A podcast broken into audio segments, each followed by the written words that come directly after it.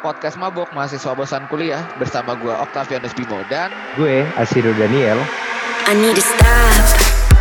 I've been doing too much. I've been running too fast. I've been testing my luck. ya balik lagi di podcast Mabok episode yang kedua. Ih kenapa lesu banget ya kita? Anjir. Lagi pada capek. Enggak, itu bukan capek sih karena mungkin kita sudah vibes-nya vibes liburan gak sih? Sekarang Eh, bisa jadi sih. bisa jadi. Tapi Karena kalau yang vibe- apa karena tuh? udah vibes liburan, eh, kita jadi cenderung malas-malesan sekarang. Iya, tapi kita nggak malas. Jadi kita posisinya sekarang mau berbagi cerita sama teman-teman.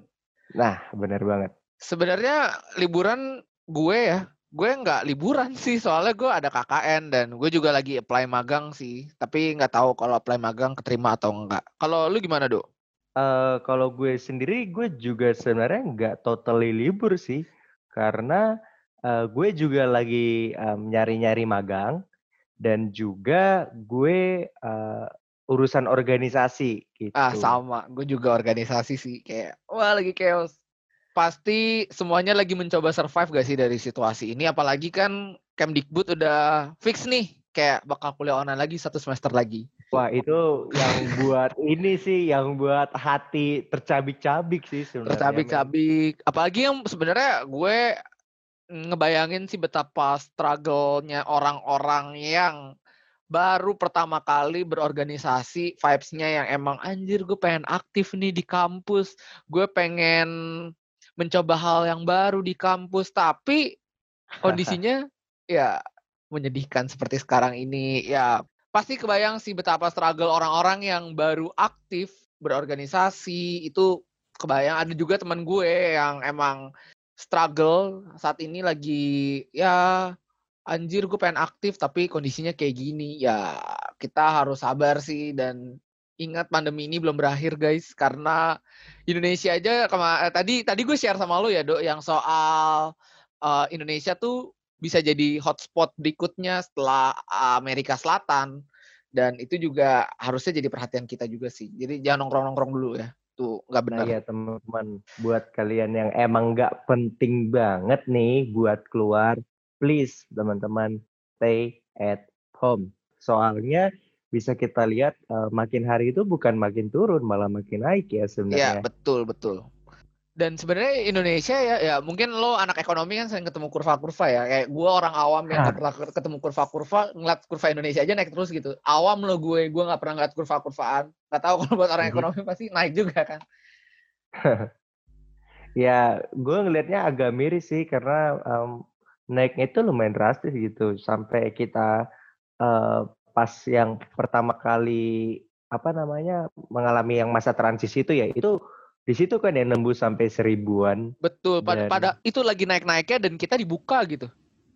Nah, tapi sebenarnya Bim, eh, sebenarnya kalau bahas ini lumayan asik juga sebenarnya karena eh, menjadi satu dilema juga ketika pemerintah tidak membuka, ekonomi kita bisa hancur. Nah, Pengusaha-pengusaha bisa kabur dari Indonesia. Nah, itu dia nah, yang menjadi dilema. Nah, ah. untuk eh, membahas hal ini sebenarnya enaknya di episode selanjutnya boleh juga nih. Oh, boleh, boleh, boleh. Dan kita kan juga udah UAS, sekarang kita istirahat dulu sebelum kita menghadapi lagi kuliah online. Jadi cerita-cerita hari ini sih lebih ke ini ya, lebih ke ya kita tutup buku semester ini. Habis itu jadi Mhm. pembelajaran buat semester berikutnya. Bener gak? Yap, bener banget. Karena Apalagi cerita-cerita yang masuk nih menarik nih, Dok. Ya, semester depan itu sebenarnya eh, kalau menurut pandangan gue sendiri merupakan semester yang tidak bisa diduga bagaimana ceritanya gitu. Karena baru eh, semester depan itu benar-benar full online Bim dari mulai awal sampai Iya, akhir. kita nggak pernah tatap muka sama dosen dan cerita-cerita di sini kan menarik-narik dan eh, harapannya jadi pembelajaran ya buat kita semua. Kayak apa sih ini kuliah online? Kayak kita harus ngapain sih? Dan kalau pengalaman kuliah online gue ini ya cukup menyedihkan karena gue orang di jurusan komunikasi yang harusnya praktek di lapangan sayang sekali apa ya gue harus mendapatkan informasi juga harus dari rumah padahal gue harus mengumpulkan informasi ya di jurusan gue jurnalistik ya itu Mhm. harusnya gue bisa ke lapangan wawancara orang gue bisa ya liputan gitu loh di lapangan ya belajar liputan di lapangan gitu punya biar dapat pengalaman di lapangan juga tapi sayang sekali eh, dosen juga ngelarang sebenarnya jangan keluar rumah usahain semua dari rumah dan itu cukup chaos sih kayak gue harus muter otak gitu loh kayak aduh gimana nih ya biar dapat berita tapi harus dari rumah itu mikir sih dan itu yang dialamin sama teman-teman gue kalau lu gimana dok Iya. Kalau misalnya eh, di gue sendiri, sebenarnya kan eh, kalau gue itu nggak harus keluar kayak lu ya sebenarnya kan. Cuman eh, ini lebih ke pandangan subjektif gue ya. Gue itu eh, kalau selama kuliah nggak sama teman-teman gue itu menjadi satu hal yang berat sama gue Bim karena pada dasarnya gue sendiri itu orang yang ekstrovert gitu. Wah, berat Bisa sih, dibilang berat ekstrovert parah. Jadi ketika gue cuman dikurung di rumah doang itu eh, sebenarnya sedikit eh, berdampak kepada mental health juga pada benar akhirnya. benar benar pasti ngaruh sih itu Pasti Wah. ngaruh banget. Gitu. parah parah Dan walaupun kuliah gue enggak harus mengharuskan gue untuk mencari data keluar, tapi kuliah gue juga terpengaruh karena WFH ini. Karena dari gue nya sendiri, gue itu benar-benar gak bisa gitu loh untuk eh, belajar sendiri. Dan gue eh, gak tahu gimana nanti nilai-nilai gue. ah itu juga masih Dapat misteri makan kepada ilahi yang. Iya. bener bener bener bener banget hmm ya gitu ya kuliah online ya antara hidup enggan mati pun enggan kayak kata pepatah anjay ya. Tapi kita harus ngelewatin ini karena ya kita punya tanggung jawab gitu loh untuk menimba ilmu sebagai mahasiswa. Jadi ya emang harus dijalanin pada akhirnya. Atau juga dosen-dosen kan pasti mengusahakan juga lah untuk menyampaikan materinya walaupun ada juga beberapa dosen Wah. yang kayak gimana dok? Ya memanfaatkan situasi men. Jadi banyak eh, bukan banyak sih ada beberapa sih eh, dosen gue yang kayak gitu. Jadi emang pada dasarnya dosen ini males kan. Terus dengan adanya situasi kayak gini makin males. Tinggal kasih PPT kasih tugas udah kelar gitu. Gue yang nggak ngerti apa-apa. Iya sih. Gimana ya kalau kayak gitu. Tapi tadi kan gue juga habis ngobrol ya sama teman gue. Jadi sebelum gue rekaman podcast ini, gue ngobrol sih sama temen gue. Ya Mhm. ternyata emang ter- ada gitu loh dosen yang kayak gitu yang cuma ngasih PPT terus udah tinggal. Udah gitu dia matkulnya juga susah. Hmm, Gak tahu sih kalau lu matkulnya susah atau gampang. Kayaknya susah semua yang sih kalau lu. Kalau misalnya matkul gue sebenarnya susah bisa dibilang susah, bisa juga dibilang gampang. Ya, cuman sih kalau misalnya matkul gampang sekalipun nggak dijelasin, ya lu bakal ngerti men. Ah, benar benar benar benar. Sebenarnya juga begini sih. Apa pun ya mau gampang atau mau susah, gampang susah kan relatif ya buat orang pinter mungkin aja semuanya gampang atau buat orang yang kurang Yap. semuanya susah. Nah, masalahnya namanya kita belajar harusnya sih eh, kita dua arah ya dari dosen dan mahasiswa. Tapi emang Iya, harus betul. juga sih ini catatan juga sih kuliah online ya. Kayaknya eh, keaktifan mahasiswa nih di beberapa matkul turun tapi di beberapa matkul naik. Kalau gue Gimana fenomena kalau fenomena di tempat gue ya, kalau matkulnya lewat WhatsApp nih, dosen yang ngajar lewat WhatsApp kayak chat gitu, kayak banyak Mhm. banget yang aktif nanya. Padahal di kelas ya diem-diem aja. Tapi Hmm, I see. kalau kalau tatap muka ya, kalau tatap muka eh, live di mungkin di Zoom atau di Google Meet, itu tuh Mhm. pada diem, kayak ada yang nanya nggak, klik klik klik klik, yang kayak gitu. Nah mungkin gua nggak tahu ya apakah eh, kalau gue prefer pembelajaran yang live, kalau di WhatsApp, anjir gue kadang aja baca chat temen gue jarang, gimana gue kuliah gitu loh. Iya sebenarnya ya, uh, fenomena itu juga terjadi di gue ya Bim. Eh, karena gini, em, ketika kuliahnya itu dilaksanakan di Google Meet atau di Zoom, itu benar-benar dikit banget yang nanya bahkan hampir tidak ada. Nggak ada sih. Tapi kalau misalnya pembelajaran itu dibuat eh, di dalam Google Classroom, maksudnya di Google Classroom itu di kolom chatnya kita Mhm. tanya, eh, tanya jawab sama si dosennya, itu rame gitu loh. Eh, mungkin ya, mungkin menurut pendapat gue eh, anak-anak sekarang atau teman-teman kita pada malu mungkin Iya, mungkin menyuarakan malu-malu. pertanyaannya secara lisan dan lebih Iya. percaya diri ketika menyuarakannya secara tulisan.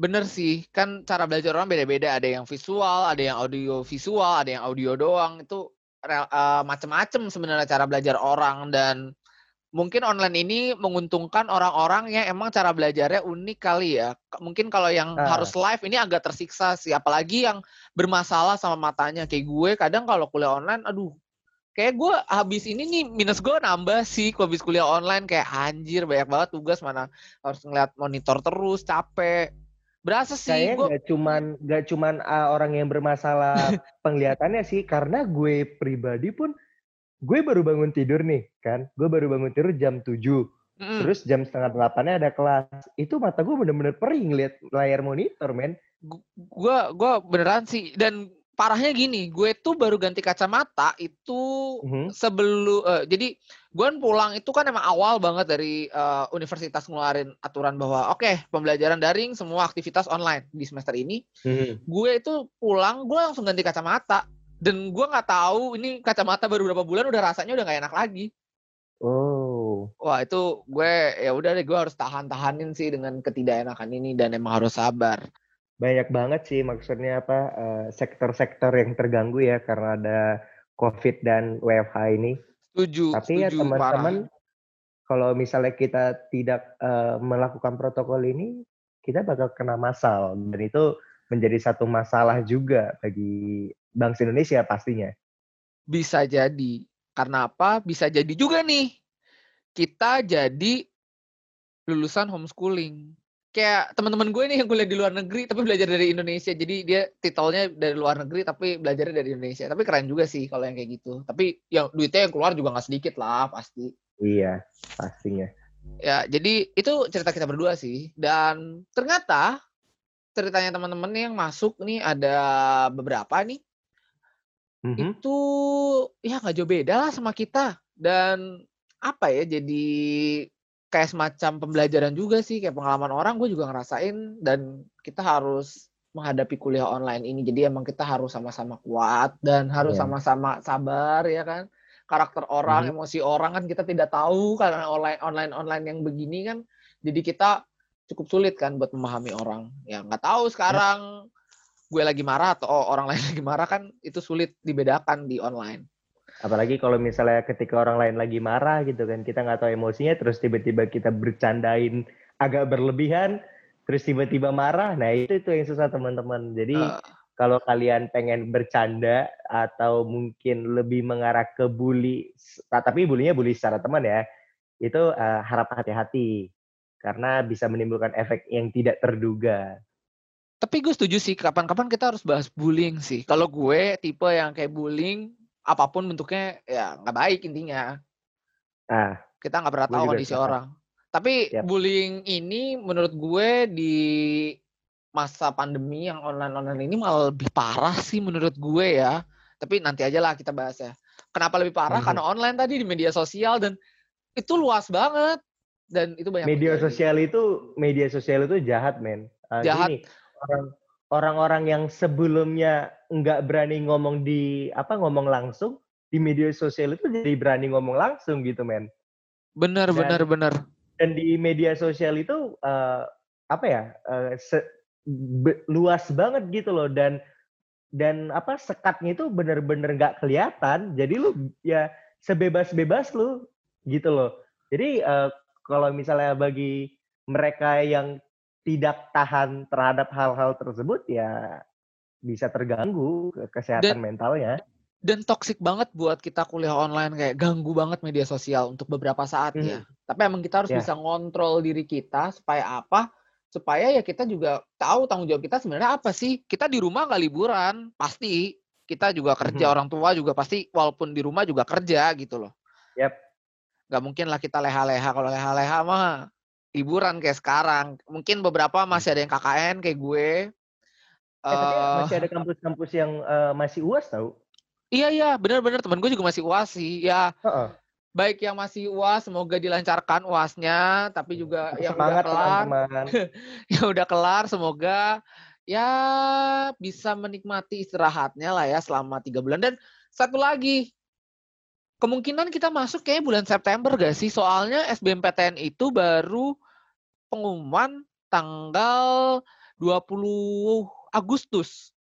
Iya, diundur kan? Pasti diundur sih. Tapi itu kalau PTN ya, kalau PTS sih harusnya nggak jauh beda. biasanya mengikuti sih. Mengikuti juga sih mengikuti. harusnya. Heeh.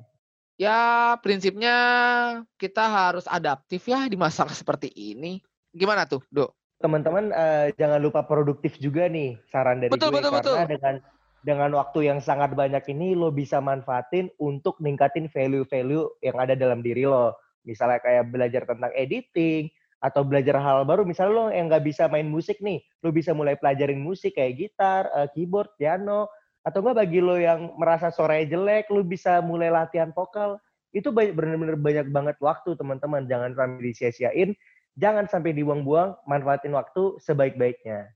Dan banyak sekarang yang kayak webinar, pelatihan online ikutin aja sih. Kalau Ah, free pasti banyak yang ikut. Tapi kalau yang bayar, ya kalau emang kalau gue bayar atau enggak itu apa ya tergantung ya. Kalau bayar dan topiknya gue suka, gue nggak masalah bayar.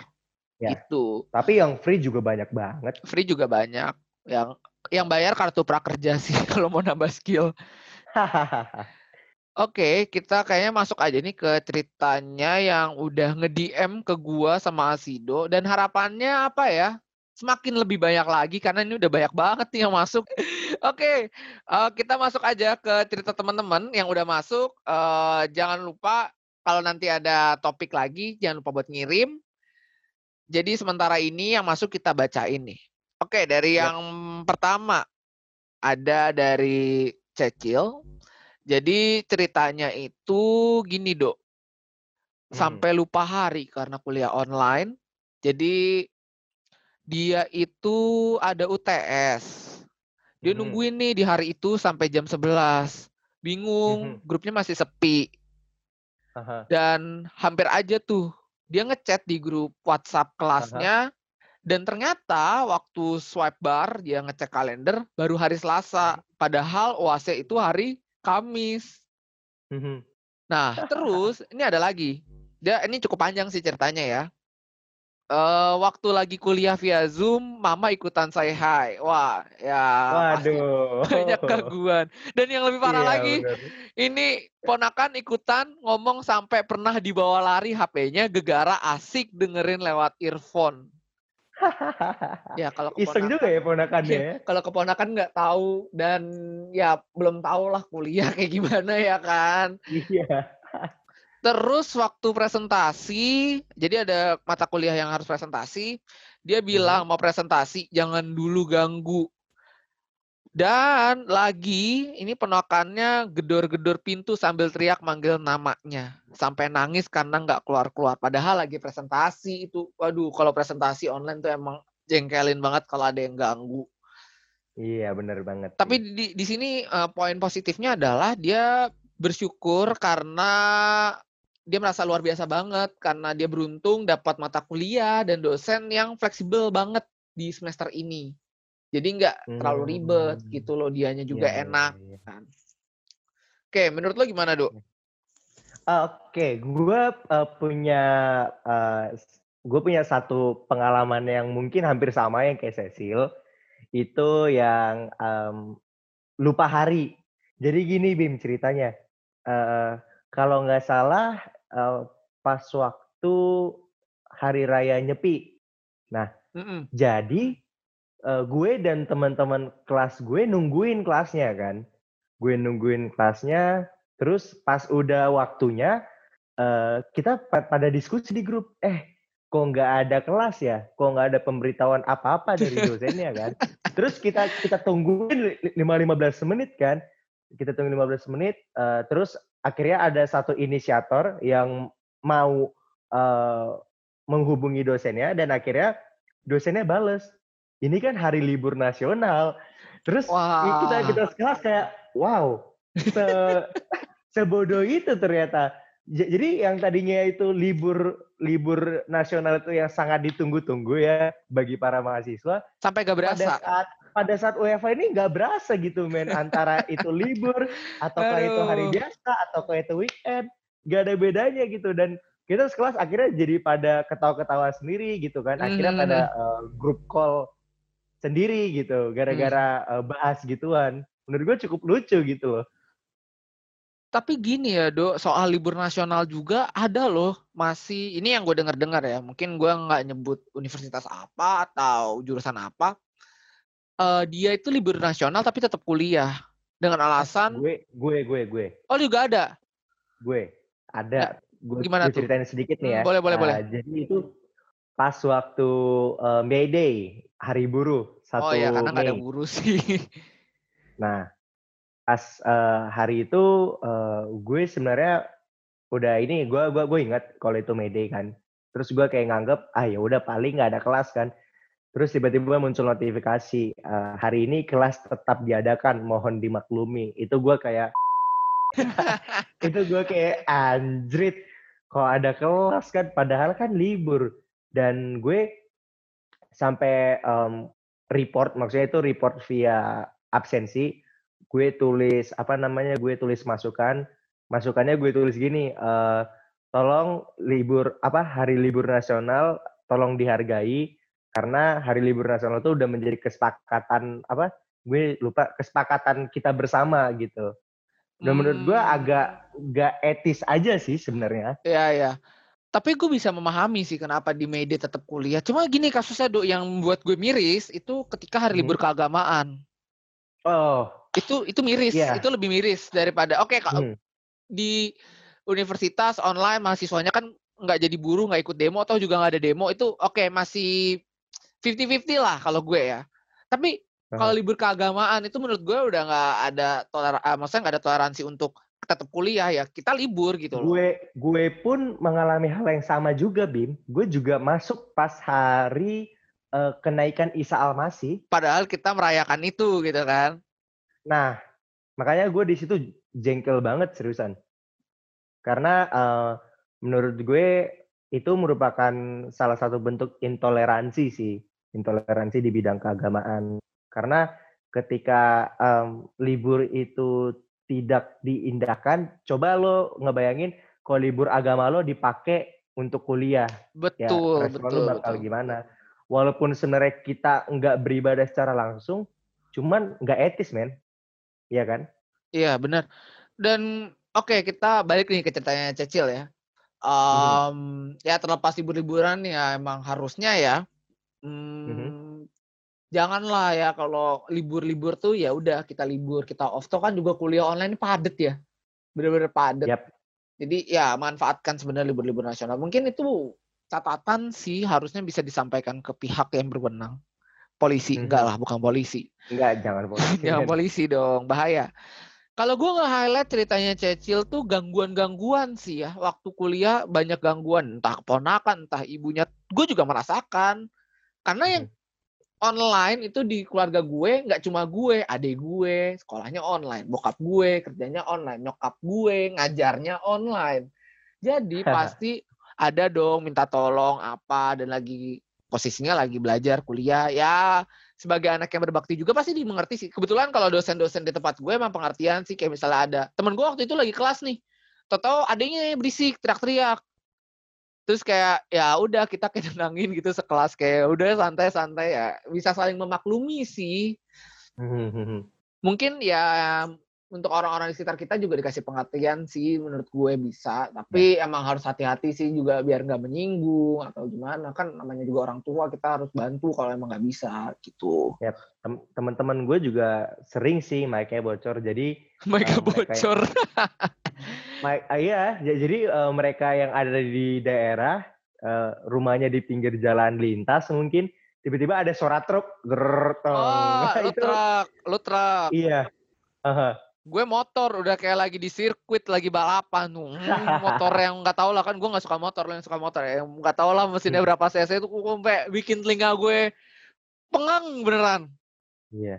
dan itu nggak terjadi nggak ada terjadi di kuliah aja di rapat juga gue kayak gitu ada aja kayak ini orang rapat di tengah-tengah sirkuit apa gimana sih berisik banget Sama gitu. sih di perumahan di perumahan gue juga eh, banyak yang punya motor yang kayak gitu kan. Hmm, dan agak brengsek ya kalau lagi kuliah Kali setiap kali mereka eh, menyalakan motor, gue langsung mute gitu. bahaya soalnya ya. Bahaya banget. Ganggu gitu. buat telinga yang lain. Ya, Apalagi kalau dosen yang lagi serius kan, tiba-tiba ada apa namanya, ada eh, gangguan kayak gitu, agak Hmm. enak aja sama dosennya sebenarnya. dan kadang dosennya yang ada gangguan. Ah iya, iya sering-sering juga. Jadi kayak misalnya eh, si dosen itu apa namanya pas dia lagi ngejelasin, tiba-tiba anaknya nyamperin gitu kan, tiba-tiba Ah, kayak gitu-gitu. anaknya Iya. itu ikut-ikutan eh, di dalam video conference-nya itu lucu sih sebenarnya. Kalau gue udah terbiasa sih sama dosen yang bawa anaknya ke kelas itu juga pernah kejadian dan sebenarnya kalau gue sebagai mahasiswa nggak ada masalah selama anaknya juga anaknya juga lucu maksudnya kayak udah dan Iya. dia bisa diem gitu loh dan dia bisa diem dan apa ya jadi daya tarik tersendiri akhirnya kita nggak kuliah maksudnya dalam artian Iya. bukan nggak kuliah kita nggak belajar tapi fokus kita jadi ke anaknya bukan ke kuliahnya tapi it's okay atau juga dosennya Iya. juga ngasih materi bagus dan ya udah kita sama-sama saling mengerti sih menurut gue Dan jadi ice breaking juga sih sebenarnya. Betul, betul, betul banget. Kalau soal ya kita kelas kan kadang jenuh ya, mau online mau offline tetap perlu ada hiburan lah yang kayak gitu-gitu. Kalau gue Pasti. ngelihatnya apa ya, yang kayak Cecil ini kayak hiburan sih. Maksudnya bukan sesuatu yang kayak, aduh kayaknya gue harus mm, jauh-jauh dari keluarga gue atau aduh gak mau nolongin keluarga gue enggak enggak. Kalau gue lebih ngelihatnya ini hiburan. Maksudnya kita Iya. libur eh libur lagi. Kita kuliah online ini kan udah padet, dah stres ya, Hmm. semua tugas online, lu kerjain depan laptop, bantal lu sakit. Menurut gue Hmm. ya ini selingan-selingan lah ya di tengah liburan dan ini bukan berarti kita jadi jauh sama keluarga kita gitu loh. Hmm, sepakat. Jadi itu eh, dari cerita si eh, Cecil ini sebenarnya menarik dan eh, hal-hal seperti itu yang sebenarnya membuat kita itu menjadi tidak jenuh sih. Kalau Betul. menurut gue pribadi. Ya rumah dan kuliah kadang ya namanya rumah ya tempat untuk berlindung, tempat untuk beristirahat. Ya seharusnya memang Mhm. untuk beristirahat sayangnya. Sekarang Mhm. karena pandemi ya jadinya harus bisa jadi tempat berlindung, beristirahat sekaligus bekerja gitu loh. Iya, jadi kantor juga. Jadi kantor juga. Gue oh ngomongin kantor juga, gue ini eh do gue ngerubah layout kamar gue sih jadi biar tadinya meja gue ngadep ke tembok terus kayak gue adepin ke ruangan gue supaya gue nggak kayak nggak tahu sih kalau gue meja diadepin ke tembok tuh kayak di kosan gue tuh yang kalau meja diadepin tembok gue kayak ngerasa nggak ada inspirasi aja tapi sekarang karena mejanya ngadep ruangan kayak gue merasa luas aja gitu loh ngeliatnya Hmm, iya. jadi kayak Sepakat. kuliah gue juga eh, sekarang udah mulai muter-muter interior kamar gue juga sih karena gue Hmm. udah merasa jenuh juga gitu. ya kalau Jadi, jenuh eh, kayak gitu sih Sesimpel memutar meja belajar juga itu udah membantu banget sih sebenarnya Hmm. untuk menimbulkan eh, apa ya suasana yang baru gitu. Memang kita harus mengkondisikan ya sebagaimana mungkin tuh rumah jadi tempat yang nyaman juga buat kuliah, buat belajar. Kayak gitu Nah, sih. sekarang harus jago-jago kita. Next, Next, lo apa gue yang bacain? Next. eh, gue eh, kita ada eh, apa namanya ada satu cerita lagi dari bintang. Jadi di sini dia itu ketika kelas dia bukannya dengerin dosen tapi malah push rank ML Wah, dari gua Epic bukan anak gamer. Legend man. Gue nggak tahu sih. Em, Ini maksudnya gimana ya? Ini- Dok? Maksudnya gue nggak ngerti push rank ML. Sorry ya Iya. guys kalau gue agak gaptek kalau soal gaming ya. Asido tahu banget gue bukan tipe yang suka main game. Game gue malah diketawain sama Asido. Game gue bangun-bangun rumah. Nggak, nggak heyday juga. Eh, apa sih yang building city gitu gue lupa namanya. Iya, Itu yang iya. mainan gue. Hmm. Jadi eh, kalau misalnya di ML itu eh, dia gamenya itu game MOBA. Jadi di mana gamenya itu eh, ada yang mode klasik, ada yang mode ranked. Nah, jadi si bintang ini nge-push rank maksudnya ngenaikin ranknya, menaikkan Hmm. ranknya dari rank epic sampai rank legend. Di mana rank epic eh, dan rank legend ini sebenarnya udah rank tier atas, maksudnya udah rank-rank atas gitu. Dan Wow. menurut gue naikin dari epic sampai legend, gue gua gua nggak tahu sih ini epic berapa, tapi itu pastinya susah gitu loh. Pastinya susah dan harus fokus. Tapi dia bisa-bisaan naikin levelnya itu, naikin ranknya saat kelas, men. Itu kocak sih sebenarnya. Gue kalau Gue gaming juga- gini gimana gimana tuh? gue juga punya pengalaman serupa sih maksudnya ketika Oh. eh, ketika gue dengerin dosen ngajar, gue malah main GTA online. Ya, Dan gue gimana malah ngejalanin misi-misinya gitu. ya daripada gue kayak orang bego karena gue nggak ngerti juga kan terus gue kayak ah ya udahlah kayak hopeless aja gitu kan cuman ini gak boleh ditiru ya teman-teman jadi gue Iya. eh, main game gitu daripada gue stres sendiri kan Kalau gue ngelihatnya oke terlepas ini ya dari ya mau push rank kayak mau apa pun. Kalau gue ngeliatnya karena online ini jadi multitasking, bener gak sih? Bener banget bener banget. Gue tuh bisa Jadi loh rapat di bisa- dua bisa tempat. ngelakuin apa pun. Ngelakuin betul. apa pun secara bersamaan. Ya gimana ya? Karena online ini apa ya mungkin yang harusnya lu dituntut nih buat di satu tempat duduk dan lu tidak ber- bisa bergerak sekarang lu bisa masuk aja ke mana aja gitu loh Mhm. kuliah sambil webinar atau kuliah sambil rapat itu mungkin aja temen gue sering kayak gitu. Gue kalau gue nggak pernah sih kuliah sambil rapat kebetulan kuliah gue kan pagi ya nggak pernah ada rapat pagi Iya. nggak akan ada yang mau rapat pagi. Gue pernahnya itu rapat sambil dengerin webinar. Gue kalau pernah. gue rapat sambil rapat tuh. Wah, aduh. itu susah sih. Itu susah itu sih. itu susah jujur itu susah. Kenapa? Karena lo harus bagi fokus dan brengseknya ini beberapa kali eh bahasannya sama-sama penting maklum sih kalau menurut gue organisasi sekarang lagi sering banget rapat karena emang kita harus berusaha beradaptasi dengan situasi seperti sekarang ini gitu Iya, membuat rencana-rencana baru. Karena pastinya ketika kita membuat rencana organisasi di awal, itu nggak bisa direalisasiin karena kita merencanakan itu secara offline. Sedangkan betul. sekarang kita harus eh, membuat itu secara online. Otomatis semua-muanya itu harus dirombak dari awal. itu Dari dia yang nol. sekarang menjadi pekerjaan organisasi. betul Itu betul agak capek sih, men. ya Apalagi kalau kal- kalau kalian yang ikut banyak or- lebih dari satu organisasi, ikut juga kepanitiaan, benar ya benar aduh berasa sakit kepala Untung gue eh, melewati masa itu udah tahun lalu, Bim. Jadi tahun lalu gue ikut tiga organisasi dan lima kepanitiaan dalam satu semester itu. Hmm. Untungnya gue ini agak bisa ya menjalankan bobonya karena ya. offline, karena offline. Ketika online, ah itu gue bisa meninggal pastinya. Dan gini sih do, kadang kita bukan kadang kita. Sekarang itu menurut gue kita udah nggak bisa ngebandingin online dan offline kayak online punya seni untuk eh, punya seni untuk menghadapinya sendiri dan Mhm. kita udah terbiasa dengan offline tentunya. Mhm. Dan itu beda banget. Mhm. Tensinya juga beda banget. Pressure-nya apalagi beda banget. Dan kalau misalnya kalau misalnya kita eh, ngebuat penilaian tentang proforma organisasi antara membandingkan proforma organisasi eh, tahun lalu yang offline sama proforma organisasi tahun ini yang online, itu menurut gua nggak bisa di-compare. Nggak apple to nggak apple. to apple. Betul, betul. Nggak apple to apple. Susah dan Karena karena sangat-sangat berbeda intinya gitu. banyak variabel yang berubah nggak sih, Dok? Maksudnya ketika Mhm. menilai itu pasti berubah. Mhm. Banyak banget, men. Wah, ini apalagi kalau kalau misalnya di gue itu kan eh, ap- apalagi kalau misalnya di gue ini, ini gue ngulang ya apalagi kalau misalnya ini di gue kan eh, gue itu eh, di apa namanya di MSDM itu beda banget kalau misalnya di offline itu lu bisa nyamperin orangnya secara langsung kalau dia bermasalah nah sekarang di online lu bisa bisa aja kalau mau nanyain kabar dia terus dia merasa Ya. keganggu terus dia blok lu nah itu kan menjadi satu masalah ah, baru emang gitu ada pengalaman kayak gitu? Nggak kan? Belum ada kan? eh em, nggak tahu sih ada atau enggak mungkin ada-ada aja mungkin ya Ya, sebenarnya poin yang bisa diambil bahwa online tuh lu gampang banget buat hilang.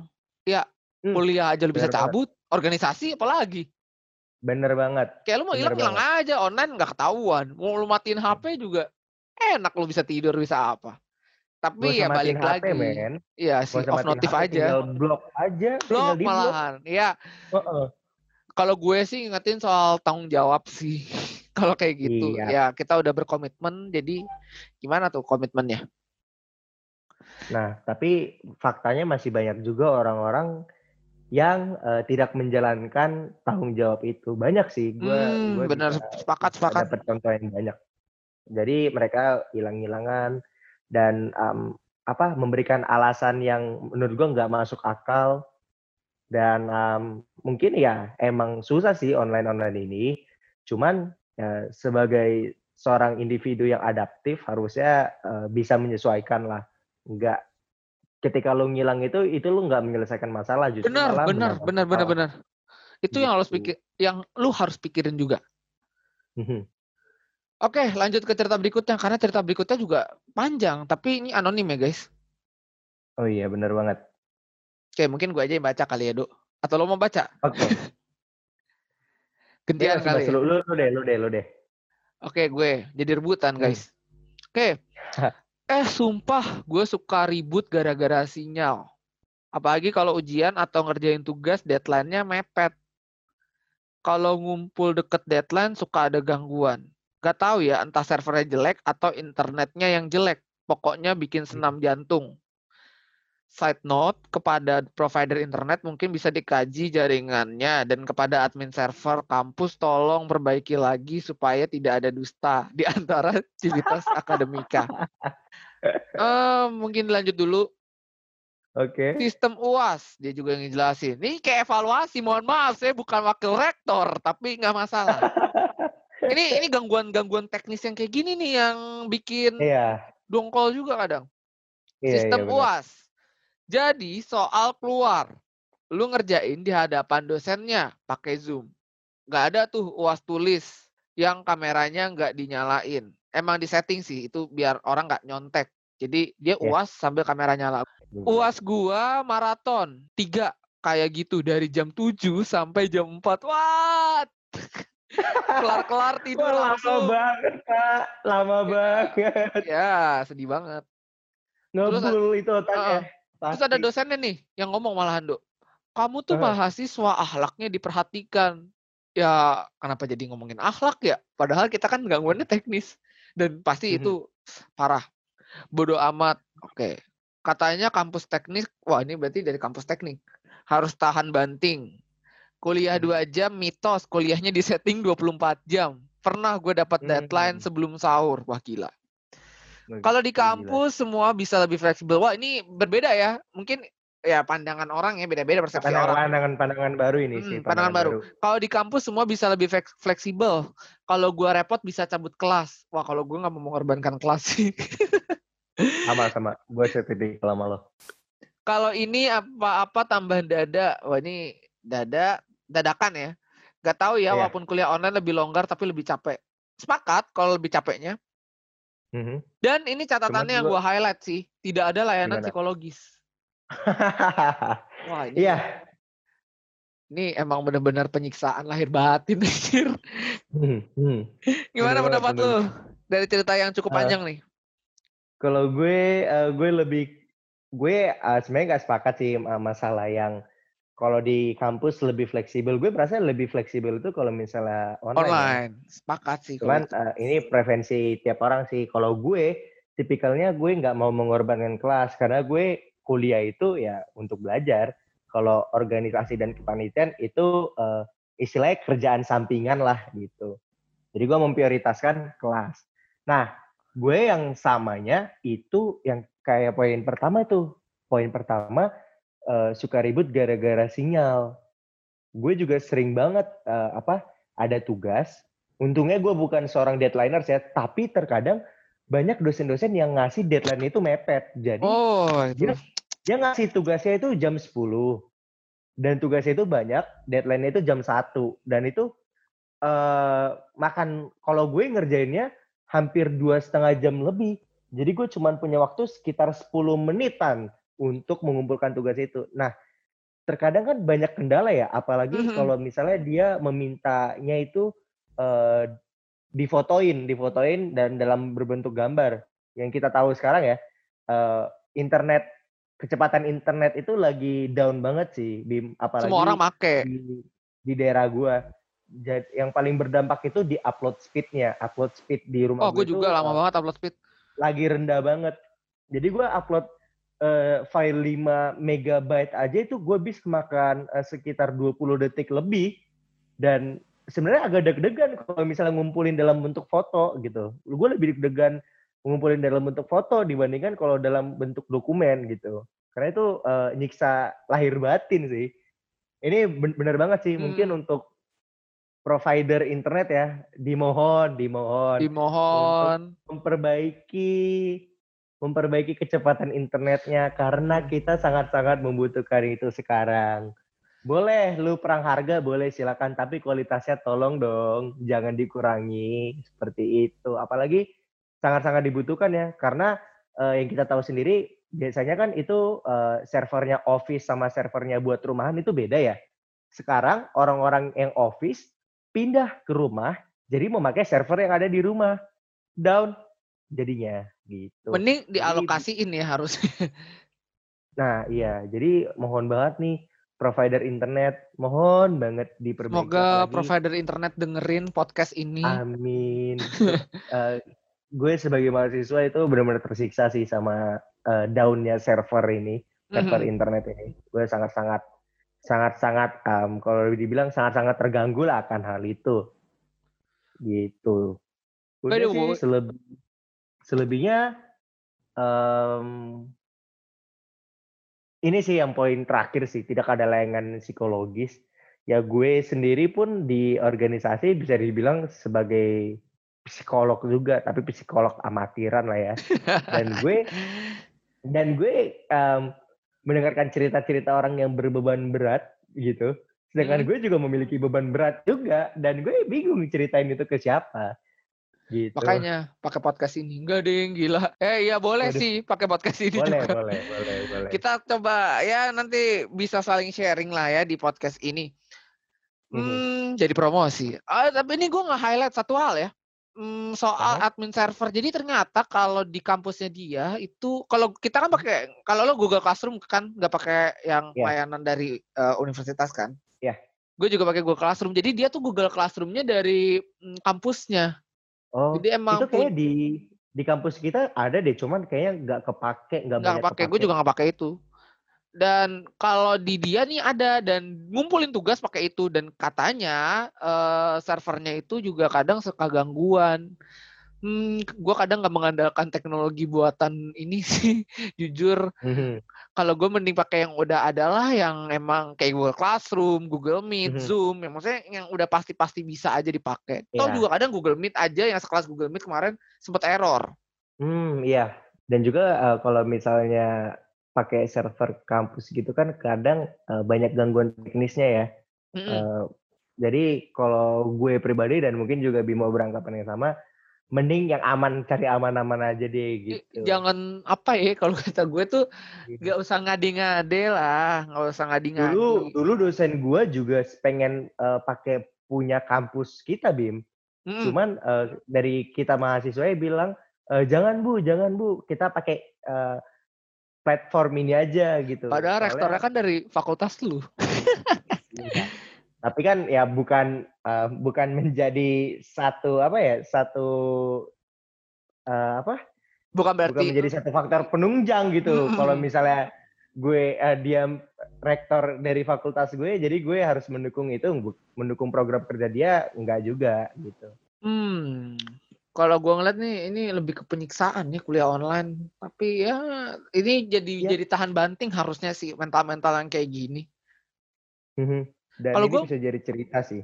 Hmm. Kalau gue itu malah mikirnya hmm, apa ya orang-orang yang online ini ini pengalaman pertama ya kita kerja dari rumah dan bisa jadi kita akan lebih lama kerja dari rumah seperti sekarang ini dan pastinya nanti akan terbiasa nggak sih dengan situasi yang kayak gini. Tahu juga kan kita merasa nyaman karena terbiasa kita terbiasa offline ya kita nyaman dengan kerja offline. Dan sekarang kita Mhm. dituntut dipaksa untuk menggunakan teknologi dan bekerja dari rumah.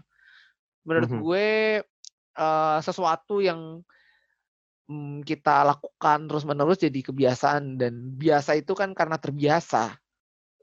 Cepat atau lambat sih kita Mm-mm, pasti pasti. beradaptasi. pasti beradaptasi sih menurut gue. Dan semoga kampus ini juga ada layanan psikologis. Karena menurut gue juga penting sih. Kadang kita nggak bisa cerita sama teman kita Amin. kalau di kampus kita ada sebenarnya sih dok cuma emang mungkin brandingnya yang kurang sih menurut gue Oh ya?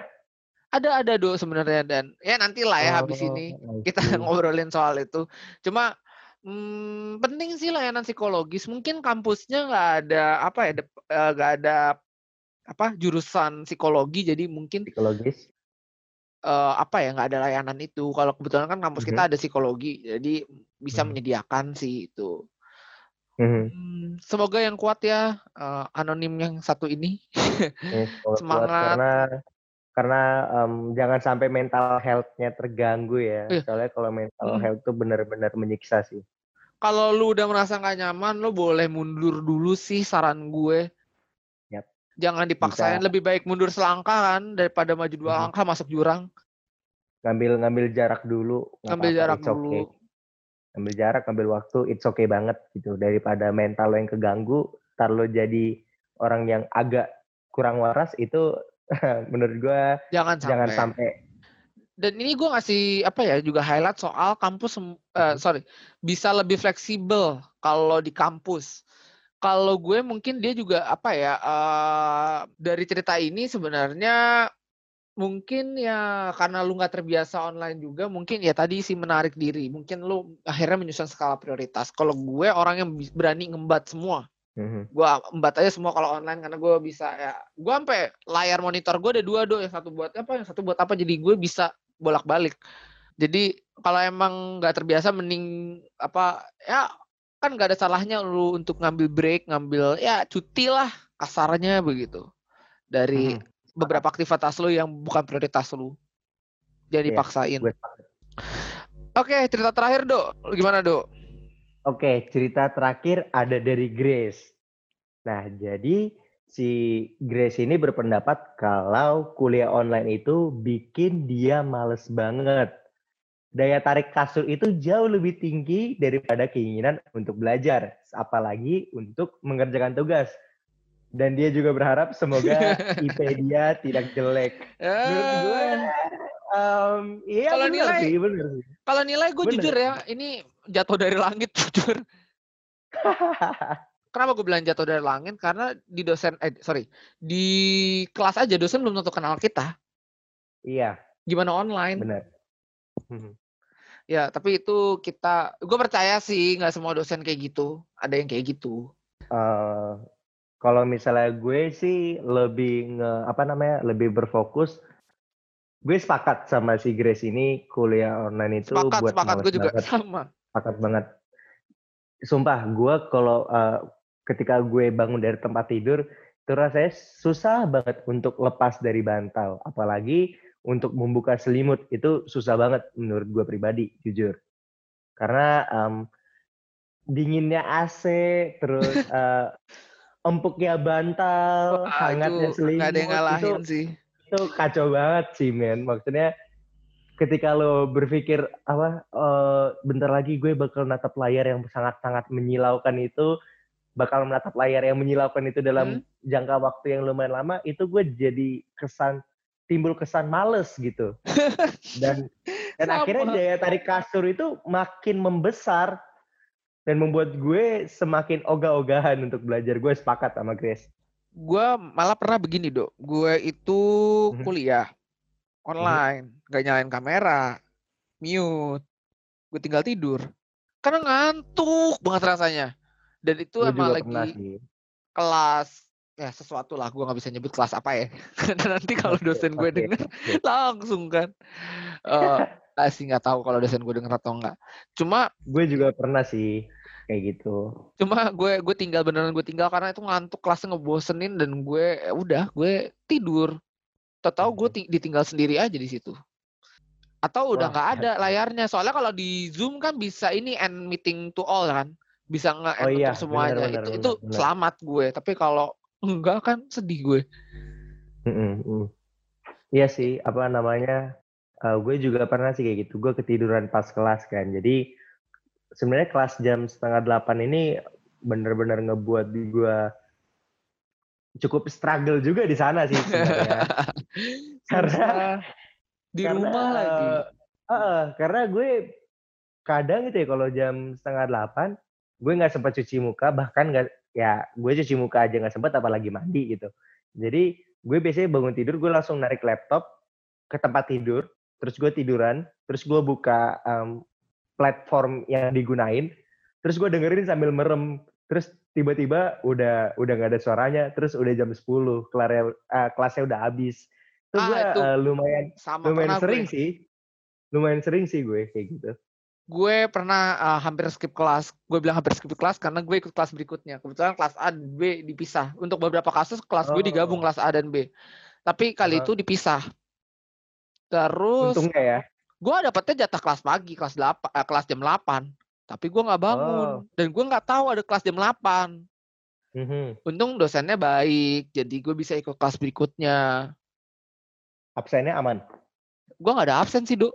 Gue nggak pernah ada absen. Seriously? Sumpah, gue nggak ada absen. Oh, kalau misalnya di gue itu eh, selalu ada absen tau. Jadi setiap kali kuliah, Absennya gimana? Gue gue penasaran. ma- Absennya gimana? ma- mahasiswanya harus isi link G-form.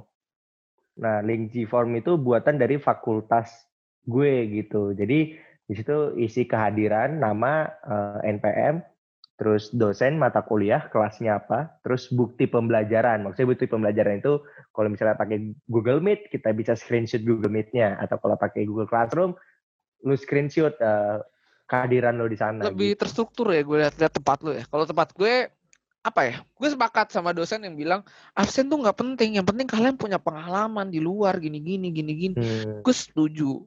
Kadang absen itu dan gini, ini soal kejujuran ya. Tadi sebenarnya nih nyinggung yang nyonteknya si sebelumnya cerita sebelumnya nih gue tadi ke skip soal Mhm. itu.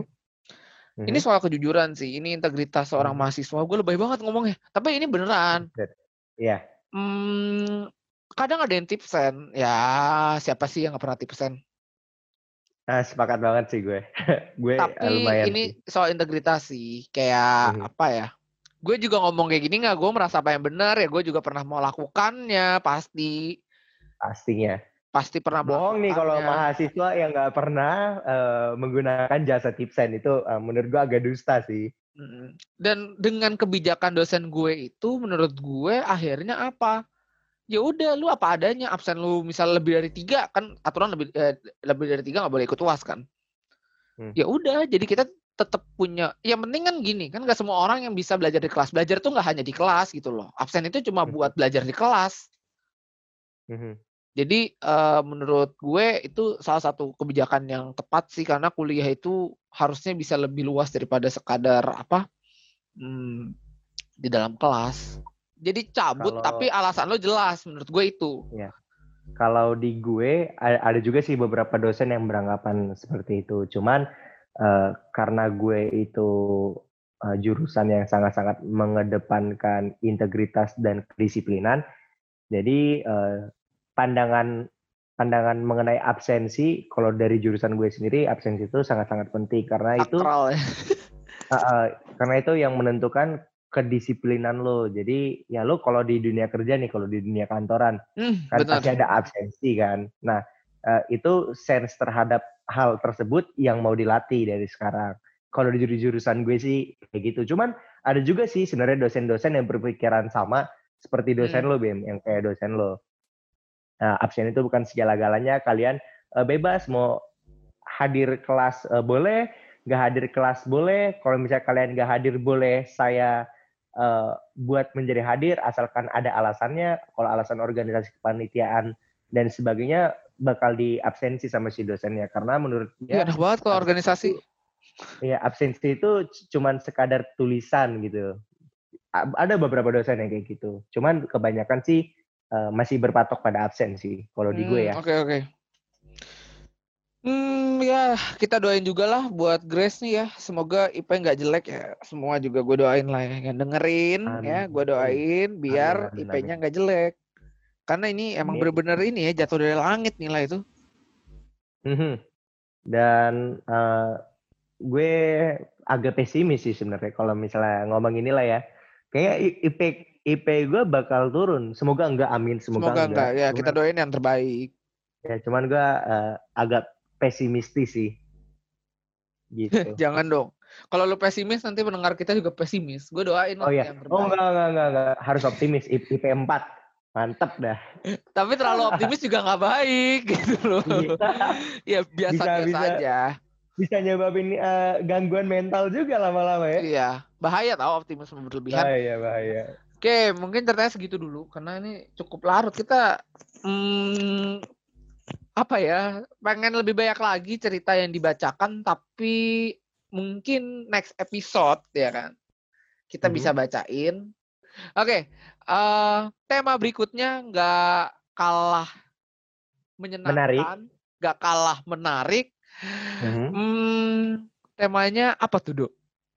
Temanya adalah investasi versus pemborosan. Wah, benar sih. Itu kalau kuliah online lu di rumah buka eh apa namanya? Gue boleh nyebut merek gak sih di sini? buka gitu kan. Buka ya belanja online lah ya. Belanja Iya. online, E-commerce, e-commerce. e-commerce. Oh iya, sorry, gue bukan ini, gue lupa e-commerce ya, buka e-commerce. Ini ada ini Hah? barang ini. Jadi hedon kan lu semua lu beli ya kan? Mhm, mhm. Benar, benar, benar. Nah, tapi pasti nggak semua orang kayak gitu. Ada juga nih orang yang maunya berinvestasi. Dan Nah, ngomongin investasi tadi gue juga kaget temen gue ada juga yang investasi tahu emas satu Oh, ya? gram. eh, investasi tapi emas satu gram. satu gram ketika dia belinya di harga 500 ribu dan dia punya sampai sekarang itu dia udah untung 200 ribuan loh. Iya, benar benar benar benar. Karena sekarang Terus- harga emas itu lagi naik-naiknya. Trading forex Oh, I see. di Indonesia juga kan. Tapi kayaknya investasi nggak cuma yang ini ya. Apa namanya yang yang gue juga bukan orang yang ahli banget sih untuk eh, bicara soal invest menginvest karena gue orangnya boros dan si ini Investasi, investor. investasi sebenarnya banyak sih, men. Mm-mm. Jadi eh, bisa investasi emas. Terus kalau misalnya kita bahas tentang pasar uang dan pasar modal, i- itu ada obligasi, ada saham. Ini gue lagi kayak belajar Terus- ekonomi ini. Oh. Terus eh, bisa juga investasi properti ya. Tapi menurut gue kalau sekelas mahasiswa itu eh, lebih cocok ke saham mungkin. Saham. Emas. Apalagi lu punya banyak waktu kan sekarang kalau saham Nah, lu bisa mantengin tuh seharian. kan kalau Nah, ini- kan orang yang ngelola. Ya, kalau ini eh, bisa menjadi menarik sih topik Ya. ini. Ceritanya besok jadi seputaran itu ya. Kayaknya gue takutnya nih besok lebih banyak cerita soal pemborosan nih. Karena banyak yang boros gue lihat-lihat teman-teman gue kayak beli apa, Gojek ini, Gojek itu, Iya loh, Grab ini, bener. Grab itu. Bener banget, bener banget. Wow, enggak sih gue nggak bilang temen gue eh, tajir melintir, tapi artinya ada perubahan gaya pola konsumsi nggak sih di Hmm, masa pandemi Di pasti? di Insta Story itu banyak banget orang-orang yang beli apa eh, beli bubble terus di snapgramin kan. Terus eh, beli donat dari tit, nah itu Nah. terus di snapgramin. Eh, menurut gue ya ben, sepakat sih sama Bimo banyak banyak peralihan apa namanya eh, pola hidup yang menjadi condong ke arah konsumtif gitu. Cuman gue sih sebenarnya sepakat juga sih karena itu cukup membantu abang-abang driver ojek Benar-benar. online Mm-mm. itu. Ya hati-hati aja sebenarnya lebih besar pasak daripada tiang, ya kan? Nah, bahaya sih kalau itu lebih sih. lebih besar pasak daripada tiang karena kan Mhm. eh, pendapatan, tabungan sama konsumsi ini kan berhubungan. Ya, benar. Jadi ya hati-hatilah jangan sampai lebih besar pasak daripada tiang dan gue yakin karena di sini yang dengerin mahasiswa-mahasiswa pasti Mhm. uang jajannya tidak turun full. Benar Iya, banget dan- pasti. Dan bahkan tidak ada, men. Dan tidak ada ya kan. Nah, jadi Iya. ada uang eh terserah sih kalau ini mau boros boleh, invest juga boleh, terserah sih. Iya. Oke lah, itu episode berikutnya ya soal Mhm. investasi versus eh Pemborosan. pemborosan. Kalau temen gue yang di FEB banyak sih yang investasi. Kalau yang lain masih aja hippie pura-hura kayak klise ya. Eh, sebenarnya sih banyak sih. Enggak dari FEB iya, juga banyak. juga pemborosan. banyak kok. Kuliah online cukup lah ya sekarang ya. Nanti mungkin kalau ada cerita-cerita berikutnya bisa sambil lah. Mungkin ada hubungannya kuliah online dengan tadi perubahan pola konsumsi Mhm. eh, dengan apa namanya investasi dan mm, pemborosan tadi mungkin Mhm. dan, Dan- apa tuh? dan apa dok? Dan jangan lupa uh, buat kalian yang ada cerita disampaikan Mm-mm. ke kita bisa di DM gue Di DM. ataupun Bimo. Jadi Hmm. jangan lupa buat DM Instagram gua atau Asido Instagram gua @octavianusbimow dan Asido @asido.daniel dot itu titik ya, Ya. Asido titik Daniel. Yap, Kemudian bener. email di podcastmabuk@gmail.com kalau emang panjang dan sulit DM. That's right. Hmm, itu ya untuk episode berikutnya tadi soal investasi versus eh, apa namanya pemborosan. Pemborosan. gue lupa soalnya sering ngelakuin. Jadi gue lupa sama pemborosan. Oke, gitu aja untuk podcast episode kedua. Podcast Mabok Mahasiswa Bosan Kuliah. See you di episode berikutnya.